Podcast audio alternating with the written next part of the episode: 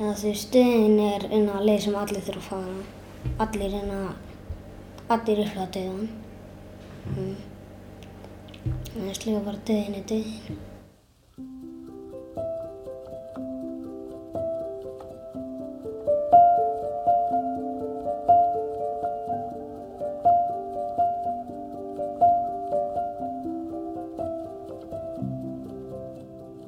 Komið sæl. Við tölinn í þessum þáttum byrjuðu sem rannsóknarverkefni fyrir borgarleikhúsið þar sem ég starfa nú við að skrifa leikrit.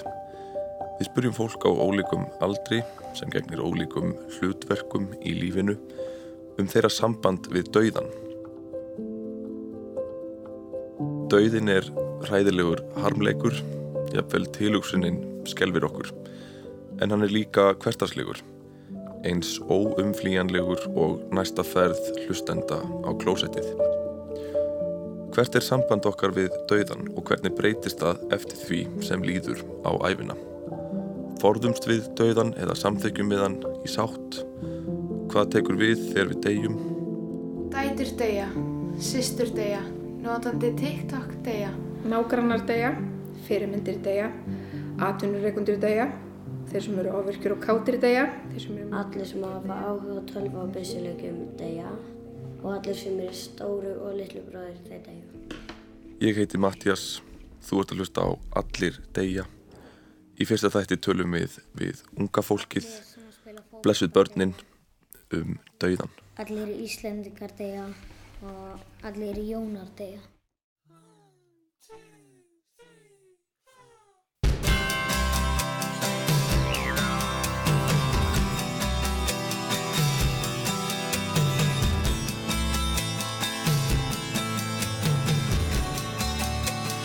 do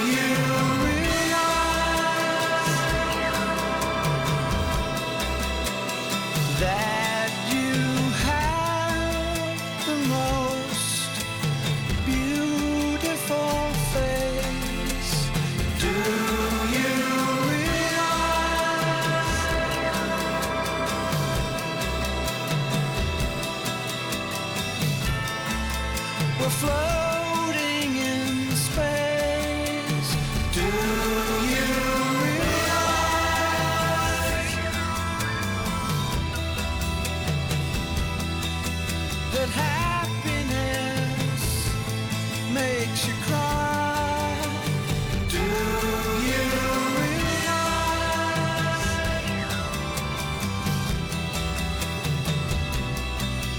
that everyone you know someday will die? Þetta er lagið Realize með Flaming Lips. Meðlemið sveitarinnar spurja hvort við vitum ekki öruglega að allir í kringum okkur deyja. Jújú, gætum við svarað. Við vitum það alveg, svona fræðilega séð. En er það nokkuð sem við leiðum hugan að eða reynum yfirleitt að sættast við að eftir um hundrað ár verður enginn sem við þekkjum í dag á lífi? Að þessu spyr í öllu falli internetnotandin Deadhead29 sem rínir í texta lagsins á genius.com. Lægið fer svo í vangaveltur um lífið, eins og reyndar öll þau viðtöl og samtöl sem ég hef átt við gerð þessara þátta. Ef maður talar nógu lengi um dauðan, þá fer maður ósjálfrátt að tala um lífið. Unað lífsins, erfiðleika lífsins, ránkala lífsins, tímamótin í lífinu. Vetur, sumar, voru haust, allar ástíðnar saman. Þannig kemst ljóðskáld nokkurt að orði sem fangar þessar vangaveltur snildarlega, ekki síst með við aldur, en ljóðmælendi er nýjórðin tí ára þegar þessi þáttur fer í loftið. Heyrum það hér í heilsinni.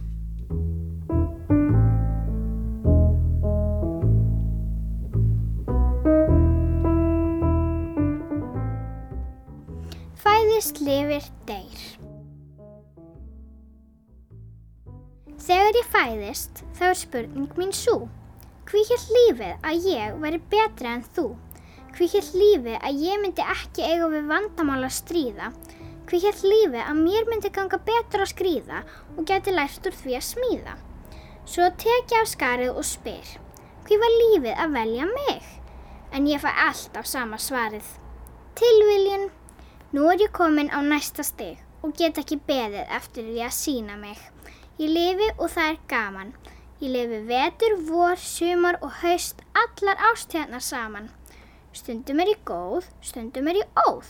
Stundum er ég gleimin, stundum er ég feimin. Stundum er ég hrætt, lítil og líður eins og ég sé nýfætt. Ég lifi og það er gaman. Það er gaman því við erum saman.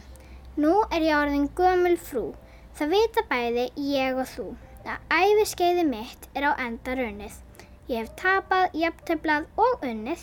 Ég hef veg minn í gegnum lífi rutt. En verð samt að veðurkenna að lífið er allt og stutt. Gekka. Takk.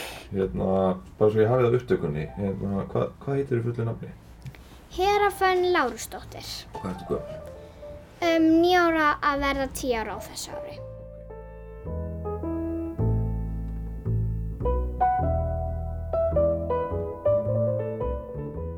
Ljóðheru, fæðist, lifir, deyr er innblásið af ljóðinu Barn eftir Stein Steinar og vann til sigurs í ljóðasamkeppni grunnskólana í yngstaflokki.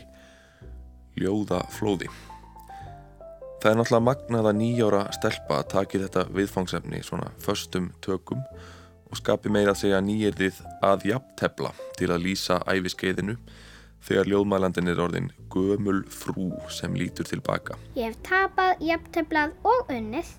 Ég hef Svo verið... kom meðvitað í ljós þegar við heyra töluðum saman að þetta ljóð var eitt af mörgum af svipuðum meiði, ljóðum dauðan og lífið eftir hana sjálfa. Móðir hennar held utanum þetta á stafrænu formi á iPad og þar var heill bálkur í mótun. Mamma, það gerist eitthvað. Ljóðskáldið Hera Fönn hlýtur að teljast til undantekninga meðal jafnaldra sinna. Börn sem hafa þennan ljóðræna skilning á æfihlaupinu og endalokunum eru ekki á hverju strái og kannski skiljanlega. Á fyrsta æfiskeiðinu er samband okkar við dauðan einfaldlega bara frekar takmarkað. Skinnbræð okkar á tíman er jafnvel þannig að við upplifum ekki dauðan, að við séum döðleg, að tíminn sé endanlegur. Ég er 27 ára og mér finnst ég rétt vera farin að fatta þetta, að tíminn líður, að líka minn sé endanlegur, að við deyjum öll. Að því leiti er ég kannski á sama æfiskeiði og hera ljóðskáld hvað var þar samband okkar við dauðan. Auðvitað höfum við hera óljósa hugmynd um dauðan en ég er að tala um að fatta þetta í líkamannum, vita þetta í beinunum, að við deyjum, að hegða sér eins og dauðleg vera. Heimsmynd barna eða unga fólksins gerir ekki ráð fyrir dauðanum. Eða hvað? unga fólkið það eru þetta bara heimsmyndin okkar er bara að þú lifir æfina út og enda verður gamall og deyr. Það er einhvern veginn hugmyndin sem að svona, hvað maður að segja, heilbriða leiðin að dauðanum fyrir okkur flestum. Þannig að þú veist, á þessu fyrsta æfiskeiði eru við bara mjög langt frá honum. Þannig að hugmyndin okkar um að deyja á þessu æfiskeiði, hún bara stangast algjörlega á við hugmyndum okkar það sem við viljum að sé sannkjant og rétt og fallegt og eðlilegt og Þetta er Hrefna Húkósdóttir, fjölskyldu og hjúgrunarfræðingur. Hún talar af fræðilegu innsægi um ólík hlutverk á ólíkum æfiskeiðum. Samband okkar við dauðan eftir því sem við stígum úr einu æfiskeiði í annað. Og svo er það spurning sko þetta, þú veist, hvernig horfi ég á dauðan tengt ungum og hvernig í rauninni er síðan eiga samtal við unga fólkið um dauðan, hvernig horfa þau á dauðan og það helst bara algjörlega hendur við þroska hvers og eins. Fyrstu árin þá bara erum við ekki með þroska fyrir, þá, þá erum við náttúrulega bara með engan þroska að leggja við og svo náum við sem þroska, þú veist, að skilja endanleika einhvers og það er ótrúlega áhugavert nýjast það til dæmis þegar maður sér að barn er búin að ná þeim þroska að það skilur að eitthvað er farið og kemur ekki aftur. Eins geti börn upplifað sorg á allt annan hátt en fullorna fólkið. Sorgin kemur og sko sorg er bara eins og aðrar tilfinningar, hún kemur bara í öldum, hún, hún hellist yfir okkur, hún varir yfirlt í einhver tím og svo bara sjatnar í því. Og öldunar hjá börnunum vara miklu styttra, það bara getur bara gerst að nú leitni og það bara tekur örfa á sekundur leikum við, svo er það bara búið. Hjá okkur þetta bara er það aðeins öðruvísi hjá fullorðna fólkinu. Það getur verið í kringum 5 til 9 ára aldur sem við áttum okkur yfirleitt á því að hlutir geti verið endanlegir, hvort sem það eru dýr, fólkið í kringum okkur eða við sjálf. og ég átti til dæmis samtal við systir mína um þetta, hún man alveg svona, og fyndi að segja hérna kýr skýrt, en hún man semst rosa vel eftir því þegar hún fattar að það sem deyr kemur ekki aftur. Og það er í sveitin okkar og það er kýr sem deyr, hún tengist þessari kú ekki neitt, henni þykir ekkert vænt um hana, kúin skiptir hann engumáli en hún var bara styrlað leið af því hún fattaði að kýrin kemur ekki aftur. Þannig að þú veist þetta var svona dæmi gert að vera sko 6 ára og þetta er svona þessi aldur 5 til kannski 9 ára náum þessum þroska endanleikin hann er. Þannig að þú veist þetta snýst rosa mikið um þroskan. Ef hlustendur hafa séð kvikmyndina Kill Bill muna þeir kannski eftir sögunni um gullfiskin Emilio sem dó á teppi, kramin undir fæti ungs eiganda síns. And what was Emilio doing on the carpet? Flapping. And then you stomped on him. And when you lifted up your foot, what was Emilio doing then? Nothing. Is that not the perfect visual image of life and death? A fish flapping on the carpet and a fish not flapping on the carpet. So powerful. Even a four year old with no concept of life or death knew what it meant. Hafið þið eitthvað hugsað um, um dauðan eða það að þið séu dauðlegir? Nei, veit það ekki. Ég er alveg bara að pæla hvort ég verið helvitis eða heimil. Þú þess að trúar, trúir á helviti og himnriki. En þú, Sérsteinn, ertu, ertu að velta þessu fyrir þig líka? Mm, ekki oft, þessi svona stundum. Jón Kristinn og Sigursteinn eru bræður á Ablagranda, 9 og 8 ára. Þegar ég kíkti við til að ræða um dauðan var Leo vinnur þeirra líka í heimsókn.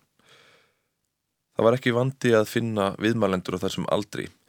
Þessi sömu drengir höfðu glatt landsmenn með því að stæla hljómsveit sem ég syng með og mætti eftirminnilegt viðtal í kjölfarið. Vatnið var hömlulaust. Þýkan er endalaus Lífið er tilgráslaust Tómið heim til alla Fyrir þá sem ekki kannast við litlu hatara sá Jón um að Garga Sigursteinn yngri bróðurinn stælaði Clemens eftirminnilega og Leo félagi þeirra var látin tromma. En strákar, uh, Jón Clemens, uh, finnst þér lífið vera tilgangslaust? Nei, Nei. Hvaða tilgang hefur lífið? ég veit. Já. Gleði og sorg. Hvað er gott í lífinu? Bara góður. Að vera góður, já. Hvað finnst þér að vera gott og mikilvægt í lífinu? All börn fá skóla og ekkert stríð. Við þökkum Vigdísi Hafliðadóttur tónlistafréttakonu fyrir að leifa okkur að nota brot frá hennar heimsókn til þremeningana. Þeir töluðu af innsægi um lífið þessir drengir. Svo mikið var víst. Hvað geta þeir sagt okkur um dauðan? Hvað er dauðin? Ég veit það ekki, sko. Maður verður eiginlega bara að læra það þegar maður fer í hann. Ætli það ekki?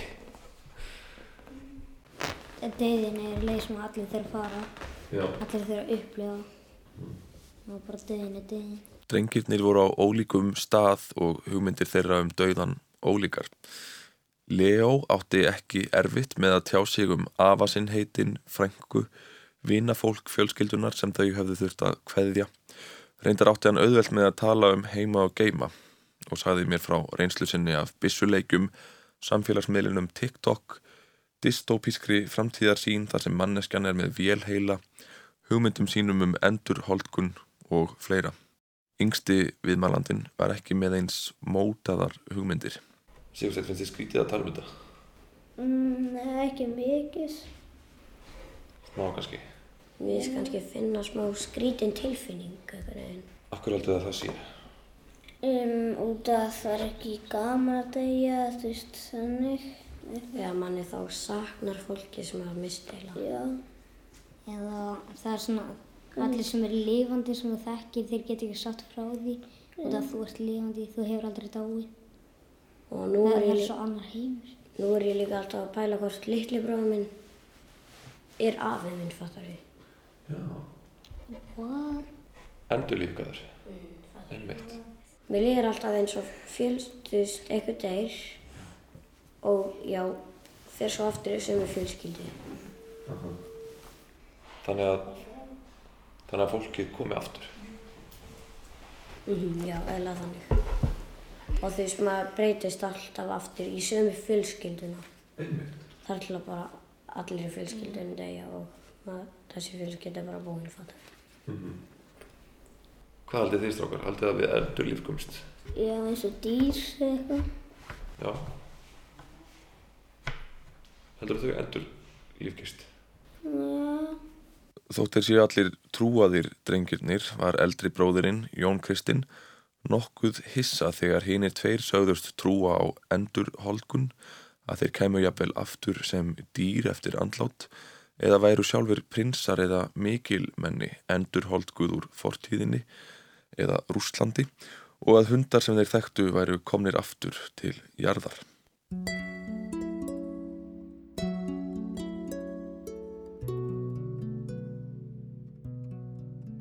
En hvernig veit maður að maður sé dauður? Dáinn eða að einhver annar sé dáinn? Maður bara finnur tilfinningun og já, öruglega. Því að fattur ég, maður bara tjekkir hvort hann er ekki að anda eða kannski hann kaldur eða þannig. Mm. Mm. Við veit vel ekki, þú veist. Mm. Hvað gerist þegar við deyjum? Mm. Ég held að það veri svona, að það veri allt svart og mannst ekkert. Þú veist, það ert ekkert til einhver.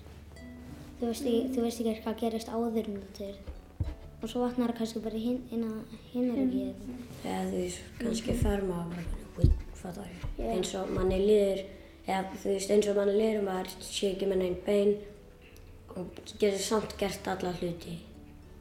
Já, kannski svo bara byrtist þig fyrir kannski fram stiga. Stiga sem er allavega upp í hérna lofti og þú bara mannst ekkert en að það gerist. Þú mannst bara að þú sér stuður. Eða maður mann kannski eftir síðustu tímunum eins og fattar ég þegar maður var bara svona alveg að deyja. Einmitt, síðustu andatökunum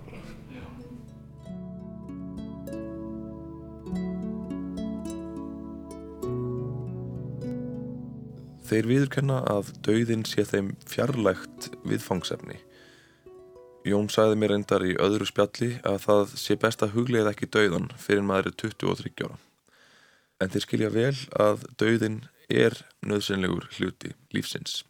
En að hvernig væri, hvernig væri jörðin ef enginn myndi deyja? Það var kannski hérna dýr hérna sem, að, sem eru búin að útrýmast væri kannski hérna. Út að við hefum veitt dýr. Þegar sundýr hafa verið útrýmt út að við erum búin að veiða þau. Og þá var ég, þú veist, ekki hundar, en að gæludýr eða eitthvað. Það er bara úlfur. En ég meira þessum mannfólkið sko, hvernig væri, Það væri örugglega bara stálheila eða eitthvað. Robotar eða eitthvað. robotar? Nei, nei. Það eru rosa margir samt að segja að maður mun ekki hætta, eða þú veist, maður mun bara að lifa ef maður lifir til 2050. Það Enginn þurft að myndi byggja örugglega herri hús. Eða það myndi vera bara svo fyllt að en að fólk myndi fara, fara út í geim. Þú myndir bara fyllast dröða það Þurfti flytja á aðra plánetir eins og sólkerfi. Eða Mars, eða Júpíter, eða alls þar. Já. Það væri svolítið vesen, kannski. Og þú veist, velja þetta fólk að fara, fattar ég. Já, hver fær að vera hérna á Aflagrandanum og Já. hver þarf að fara á Mars? Já. Svolítið erfitt. Já, samtalið fór um heima og geima. Á köplum var það ekki auðvelt. Móðir Jóns og Sigursteins var drengjónum til halds og trausts meðan á samtalenu stóð og á einhverjum tímapunkti örlaði á tári á vanga. Það er veist að þú deyr þá bara ferði og það er ekki til lengur. Þetta er eins og einhver sem ég þekk myndi deyja þá er eins og hann hafa aldrei verið til. Um, og það er, eins og fólk myndi bara hverfa það strax. Um, Við svona reyndum að enda samtalið á léttari nótum, snú okkur frekar að lífinu. Drengirnir segjast meðal annars vera þakkláttir fyrir hilsuna, þroskan, að fá mat og skóla og jú sjálfa tilveruna. Og hvað, hvað, hérna, hvað eru þið þakkláttir fyrir að vera til? Veist, eins og einu sinni var Jón Kristinn ekki til en núna er hann til. Það var 2010 og öll hérna árið síðan það, þá, þá var hann ekki til. En 2011 og 2012 og alveg hingað til þá var hann til. Veist, Ég var ekki til þá. Það er frekar maður. En ég horf kannski á myndir þá. Eins og ég geti verið á þessum myndum en ég er það ekki.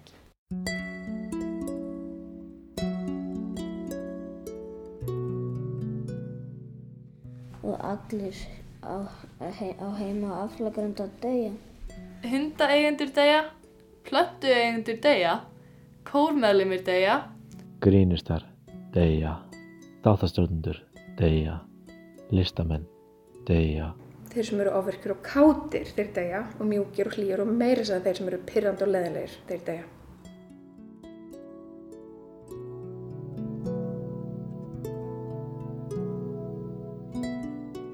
Félagarnir þrýra á Aflagranda sáu ekki ástæðu til að velta dauðanum of mikið fyrir sér og engin ástæða til að krefja þá um endanleg svör. En hvernig myndu unglingar taka í þessar sömu spurningar? Unglingar eru jú sá hópur sem er í nánast fullri vinnu við að móta sér sjálfsmynd og sjálfstæðar skoðanir. Eins og unglingsárin, þú ert að brjóta þig út úr því að vera háður einhverjum yfir í bara sjálfstæðið þitt og við gerum það með alls konar aðtöfnum og gjörðum og, og þú veist, það verið að lengja bara naflastrengin og svo slítum á hann. Og þú veist, á, í þessum fasa ertu yfirleitt, einmitt, þú ert að mörgu leiti bara ódöðlegur, þú veist, við munum flest öll eftir því bara stíg elska þig að fara inn í bíl með bara einhverjum á keiróksla hratt. Mér finnst það bara sjúklega skemmtilegt og spennandi það var engin ógn í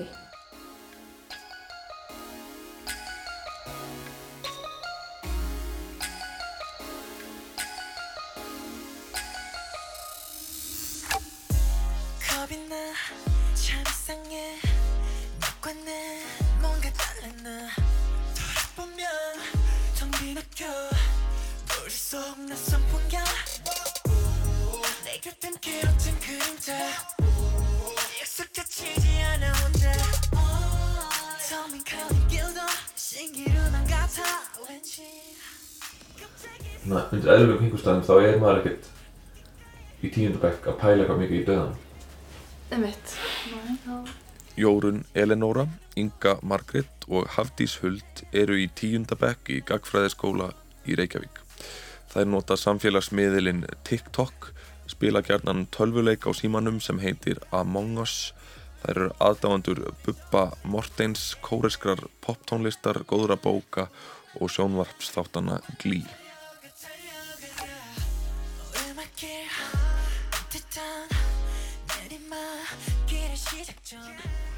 Hafið þið eitthvað pælt í döðan? ekki mikið. Nei, ekki Jú. þannig. Ég hef pælt bara hvernig það er þegar maður deyr. Já. Bara Já, hvort já, allt verður svart eða hvort þú ferð upp og það kemur ljós eða eitthvað þannig. Einmitt. Hvað, Ég- hvað held þið að gerist? Ég veit það ekki. En það er eitthvað skrítið við það því að lífið er náttúrulega svo ótrúlegt. Mhm. Að við Já. séum öll bara hugsandi einstaklingar. Já, já. Ég held að ég verði eitthvað annað. Ég held ég verði önnum manneskja. Já. Þú veist að einn daginn sloknum bara á þér. og sé bara ekkert meira. Fyrstu viðbröð stelpnana snýrust öllum líf eftir dauðan. Hvaða tungumál maður talaði þegar maður var ekki lengur til? Endur holdgun, himnaríki og hvaðina? Trúið þið á slíkt? Já. Mér langar að trúa því. Ég er bara nokkuð opinn fyrir öllu, sko. Kemst að því einhver tíman. En Já. þetta er svona, þetta er aðgáta, sko. Það er fyrir víst. En Hafi, eru þið með eitthvað trúalegt uppeldi? Þú veist, er eitthvað svona kristni á heimilinu eða Nei. bænir eða er fóreldrar eitthvað trúleysingjar? Uh, Fóreldra mínir eru kristin bæði og ég var alveg uppið að fara í kristilegar sjónabúðir og svoleiðis en ég er ekki kristin eða ég fermdi mig borgarlega en þú veist ég trúi kannski ekki endilega á himnaríki en samt þú veist kannski bara stað sem er eitthvað annað en heitir ekki himnaríki skilur ég Já. Já. Hvað heitir hann? bara eitthvað, þú veist það fyrir eftir í hvað tungumál að tala um ég veit ekki Mm. kannski er þetta bara the place The place. já, Fóreldrar Hafdísar eru að hennar sögn smá kristinn og hún trúir á Guð en kannski ekki alltaf. Fóreldrar Ingu eru hins vegar rétt eins og hún sjálf fermdir. Þótt að bera ekki endilega mikið á trúarlífi á heimilinu. Er dauðin nálægt ykkur? Er hann, er hann fyrirbæri sem er einhvern veginn hluti af lífinu? já eða þú veist, maður veit aldrei Það hlautur að vera partur af því, já, en maður veit aldrei hvenar þú Nei. veist Já. Pælistundum í því þegar ég er í bíl. Já, ég Bara líka. Hvað hva gerist að það kemur bara einhver annar bíl og keirir bara á bílinn sem ég er inn í? það er bara búið Stelpurnar hafa blessunarlega ekki haft náinn og mikil kynni af dauða og missi en þó einhver. Samtalið við hrefnu Húkósdóttur fjölskyldu fræðing var í fersku minni á meðan stelpurnar rifjuðu þetta upp, samtalið um skilning barna á dauðanum. Langamma mín dó þegar ég var fimm ára.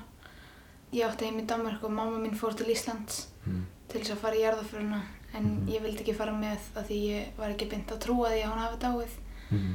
og mamma vildi ekki taka mig með að því ég var svo ung en þá. Þannig ég var bara ennþá í Danmarku. Hvað var dauðin fyrir þér þarna? Hvað varst gömul sér þegar? Já, eitthvað þannig. Hvernig meðtókstu þetta? Hvernig, nei, hvað þýtti þetta fyrir þér? Bara hún var ekki lengur með okkur. Mm. Hún fór bara eitthvað annað. Ég stundum held að hún sé bara einhver íkorni einhver staðar. hún var svolítið þannig. Ég man sko, þegar ég var lítil, Mhm. þá dó einhver svona fjarskild frænka mín og ég myndi eftir því, eða ég man eftir því að það voru ógslag margir í kringum mig sem voru ógslag leiðir en ég var ekki að tengja. Ég bara bara þekkti hann ekki það mikið og bara var ekki að skilja beint hvað gerðist. Það er einmitt mjög eðlilegt að börn skilji ekki hvað er að gerast þegar dauðin ber á góma og þá geta orð fullorna fólksins bóðið upp á miskilning. Þetta hafði hrefna líka útskýrt svona mæta vel. Þú veist eins og með börnin þegar þau skilja ekki en taka allir mjög bókstaflega að það er rosa mikilvægt að við tölum skýrt en mjúklega og heiðarlega um að það sé ekki verið að segja til dæmis eitthvað svona þú veist hún er farin inn í langa svefnin eða langa ferðalagið eða eitthvað að þá er alveg eðlilegt að, við, að barnið tólki ok, uh, ferðalag sama sem Maður kemur Hor- aftur. maður, já, eða, eð, já, eða ferðalag fjandinn, ég kem ekki tilbaka alveg eins og amma fór í ferðalagið og kom aldrei tilbaka. Þannig að þú veist að við séum ekki að tala undir rós með eitthvað en þú veist, að maður segi frekar að maður kemur ekki tilbaka Já. í staðan fyrir að segja að hún sé sopnuð eða Einmitt. af því að þá getur barni farið að vera bara hrætt við svefnin og nætunar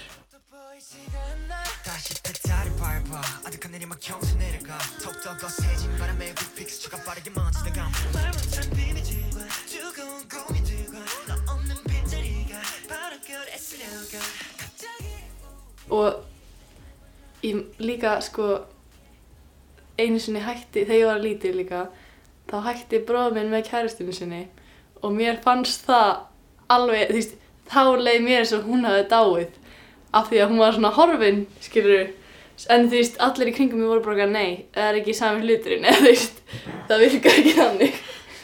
Ég farið í tvær jarðafarir uh, hjá langum minni og langafa mínum. Um, ég náttúrulega var svolítið, hvað, ég í svona fjórða bekk þegar langafa dó. En langafa mín dó bara fyrir, já, bara í fyrra. Það var alltaf mjög sorglegt og erfitt svona þegar það gerðist. En hérna, maður þurfti bara að taka því og mér finnst stöðin vera partur af lífinu. Uh, af því að það ætti að vera að stoppa einhver staðar. Það virkar kannski. it's inevitable. Já, ef þú situr á elli heimili þannig að þú verður 150 ára, ég held að það sé nú ekkert mikið lífi í því, sko. Nei. Nei, getur ekki gert mjög mikið þegar þú ert hann gammal. Nei, segðu það.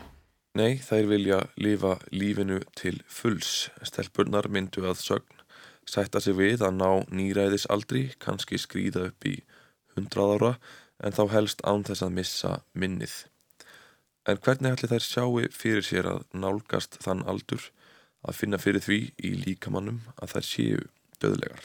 Þú veist, þegar maður verður svona mikið eldri, þú veist, við erum ekkert eitthvað gamlar en ég get ímyndað mér að þegar maður verður eldri, þú veist, fyrir að missa sjónuna eða fá grátt hára eða eitthvað, að það sé svolítið svona, ú, Já. þú veist, ég myndi einhvern tíman, eða þú veist, ég það ekki, kannski ekki svona dramatíst, en sjá eitthvað á sér að maður sé eldast. Já. Og hvernig er tilfinning heldur það sé? Sjá döðleikan. Ó. Fre, þú veist, örgulega frekar óþægilegt ef maður er ekkert búinn að hugsa út í það. Þær halda líka að gildismatið breytist með aldrinum, hlutverkin innan fjölskyldunar, þeirra eigin fjölskyldu. Og auk þess tali gamalt fólk í skrítnum og formlegum orðatildækjum, hekli og spili tölvuleikin Bubble Jam, ólíkt unga og svala fólkinu sem eigði tíma sínum frekar í símanum og móðinesleiki á borfið Among Us, sem er að sögn stúlknana æsi spennandi upplifun. En eru þið ekki alltaf bara í einhverju bubble jam líka? Eða þú veist, er það eitthvað? Haldís er í Bubble Jam Já. all the time. Eða þú veist hvað þetta heitir allt? Er Among Us eitthvað mikið öðruvísi en Sudoku? Já. Já. En samt ekki, það er alveg svipað. Þú veist, kannski verðum við bara að spila Among Us þegar við erum gamlar, ekki í Sudoku.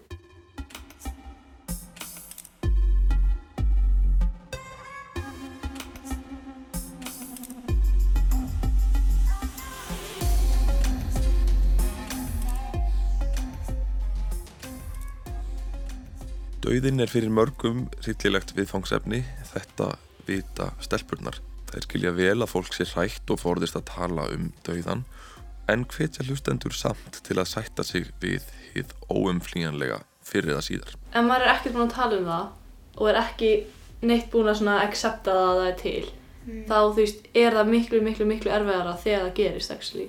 Já. að því þóttu trúið ekki þú veist þá mun alltaf gerast svo mm. þarft smá bara svona ok, ég myndi eiga þú myndi eiga, skilur ég svo verði ekki jafn bara svona þegar það gerist svona unexpected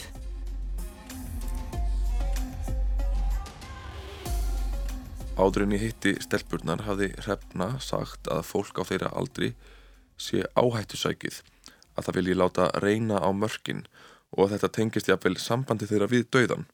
Við erum tilbúin að taka áhættur með lífið vegna þess að við skinnjum ekki dauðan. Ekki ef við erum unglingar. Við hlaupum á vegg ef okkur sýnist svo. Ég meina, ef maður bara, vill bara vera alveg örugur alltaf, þá, ég meina, maður myndi ekki fara upp í bíl, maður myndi Nei. ekki fljúa til útlanda. Myndi ekki fara bungee jumping? Nei, nákvæmlega. segi það sko En sko ég var að tala við hérna hjúkunarfræðing um daginn sem sagði sko hún sagði að þegar þú byrjir að finna í líkamannum Mm. að hann sé döðlegur þú veist, hann er ekki að vaksa heldur að hnigna Mm. uh, þá ferðu smátt og smátt að vera miklu passasamari með lífið þið finnst það viðkvæmara Já. og hún var að segja að sko, fólk á ykkar aldri líður ándjóks þú veist, eins og það geti hlaupið á vegg þú veist, það bara svona sé ódreipandi Mm. Þú getur alltaf svona hílað á aftur. Þú veist, ég gæti alveg hlaupið á vegg. Ég meina, ef ég myndi hlaupa á vegg þarna, ég held ég er alltaf lægi, sko, en ég veit ekki hvort ég myndi vera það ef ég væri Sextug. gömul. Já. Og líka bara maður dettur, skilur það bara... Þú ert bara meiri brotætt. Ein stúlknanna gekk unglingum hvaðanæfa til varnar með rökum sem ég finnst alveg sérstaklega eftirminnileg. Er eitt hugarfar æskilegra en annað þegar döðleikin er annars vegar? Það er kannski eðlilegt að maður spyrja sig þegar maður er 15 eða 16 ára hvað sé yfirleitt eðlilegt hugarfar?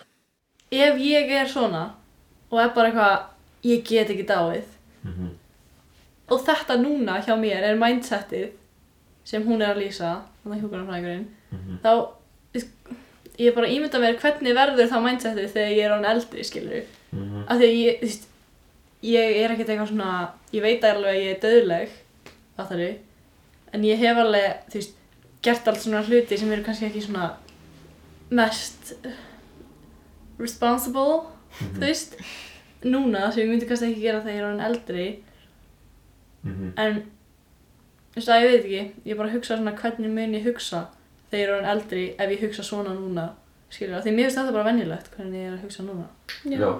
Já. Og það er líka bara mörkin annar staðar með hvað manni finnst þeirra örugt. Jú, jú, jú. Ég meina, já, fyrst maður er einmitt brotættari. Það er bara, veist, við erum, Já. það er alltaf lægi með okkur núna svona, með að við Bara með sterkari bein núna. Já. Mhm. Ef við handlægsbrotunum okkur þá myndi það, læknast á endanum.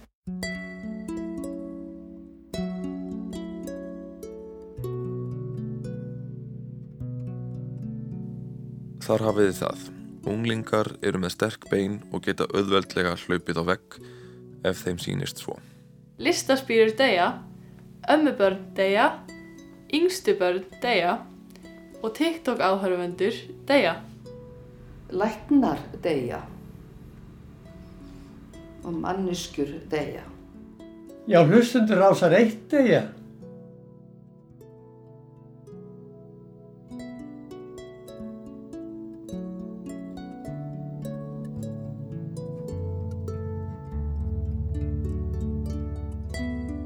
Kæru hlustendur, ef þið hafið ekki pröfað það nýlega þá mæli ég með því að þið takið ykkur tíma með vini eða nákomnum og talið um dauðan í að minnsta kosti 1-2 klukkutíma.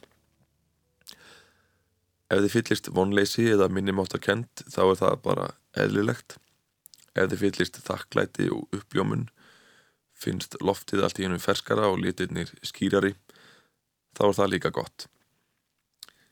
Ég mæl ekki endilega með því að rekja gardirnar úr ungum börnum, vonandi eru drengirnir ekki með dauðan á heilanum, vonandi prófa stúlkurnar að hlaupa á alla þá veggi sem þeim sýnist.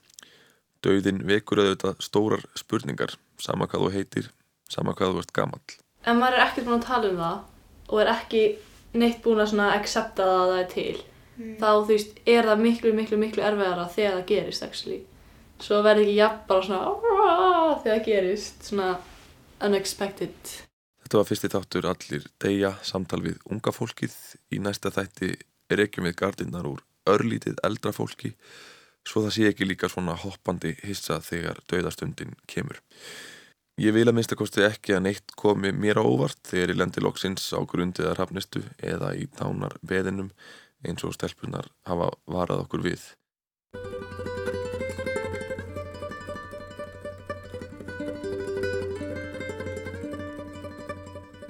Hér er Nos Quedamos Solitos með Rosalíu þar sem er sungið um dauðan frá sjónarhóli Barts.